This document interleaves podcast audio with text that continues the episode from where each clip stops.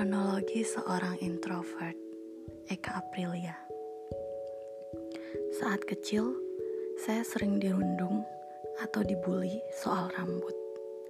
Maklumlah, rambut Barbie yang jadi tren saat itu tidak ada yang kriwil-kriwil terjar beliku.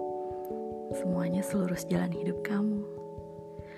Saking tercapnya saya sebagai gadis kecil terjadi hingga kadang-kadang orang satu sekolahan lupa nama saya. Apa yang mereka ingat? Label, tinggal bumbu dan air panas. Jahat banget gak sih? Iya, mereka melabeli saya seperti mie instan, tapi dengan cara menohok seperti itu. Apa yang terjadi dengan saya? Nangis di pojokan? Mau ke sekolah? Big no. Untung saya orangnya isi going alias bodoh amat. Kalau saya nyaman dengan rambut saya, ya ngapain dengar kata mereka? Tapi ya secuek-cueknya saya, saya tetap anak perempuan yang rindu apresiasi. Daripada melabel dengan kekurangan saya, mengapa dunia tidak melabel saya dengan kelebihan yang saya punya? Tetap banyak rasa nggak enaknya sih ya. Apalagi kalau di labeling terus menerus selama bertahun-tahun, jadi panas juga nih kuping. Inilah mengapa perundungan itu sangat berbahaya. Karena tidak seperti luka fisik yang mudah didiagnosa, luka jiwa itu bekasnya akan terbawa hingga waktu yang lama, bahkan bisa membentuk kepribadian. Mungkin hal ini dulu yang menyebabkan saya selalu kurang pede tampil di depan umum. Merasa lebih nyaman bersembunyi dan aman berdialog dengan diri sendiri Ya, meski kalau dipikir nyambungnya di mana, tapi ternyata rambutmu bisa jadi sebab kamu menjadi seorang introvert. Dan itulah diri saya dulu, introvert garis keras. Sampai setelah menikah pun, keluarga ngakunya serem ketemu saya yang bak TV rusak, ada gambar tapi nggak ada suara.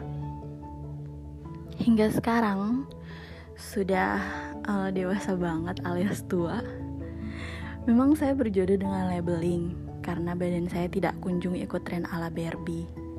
Labeling yang sekarang muncul adalah gajah duduk dan sejenisnya. Tapi asiknya, saya malah nggak ambil pusing lagi.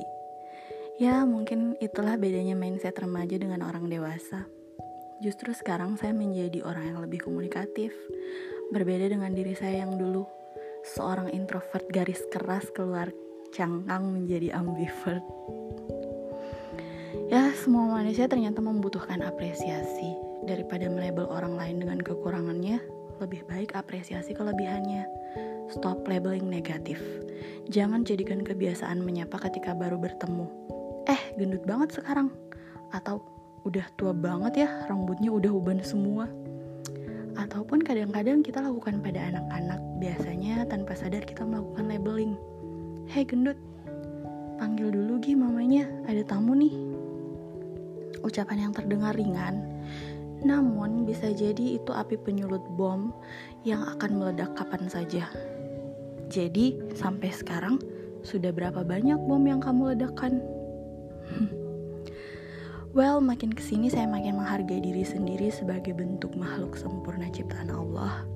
Ternyata dengan lebih menghargai diri sendiri menimbulkan efek kumparan yang akan menarik orang melakukan hal sama. Nilai diri tidak ditentukan dari bentuk badan, warna kulit, atau jenis rambut, bukan?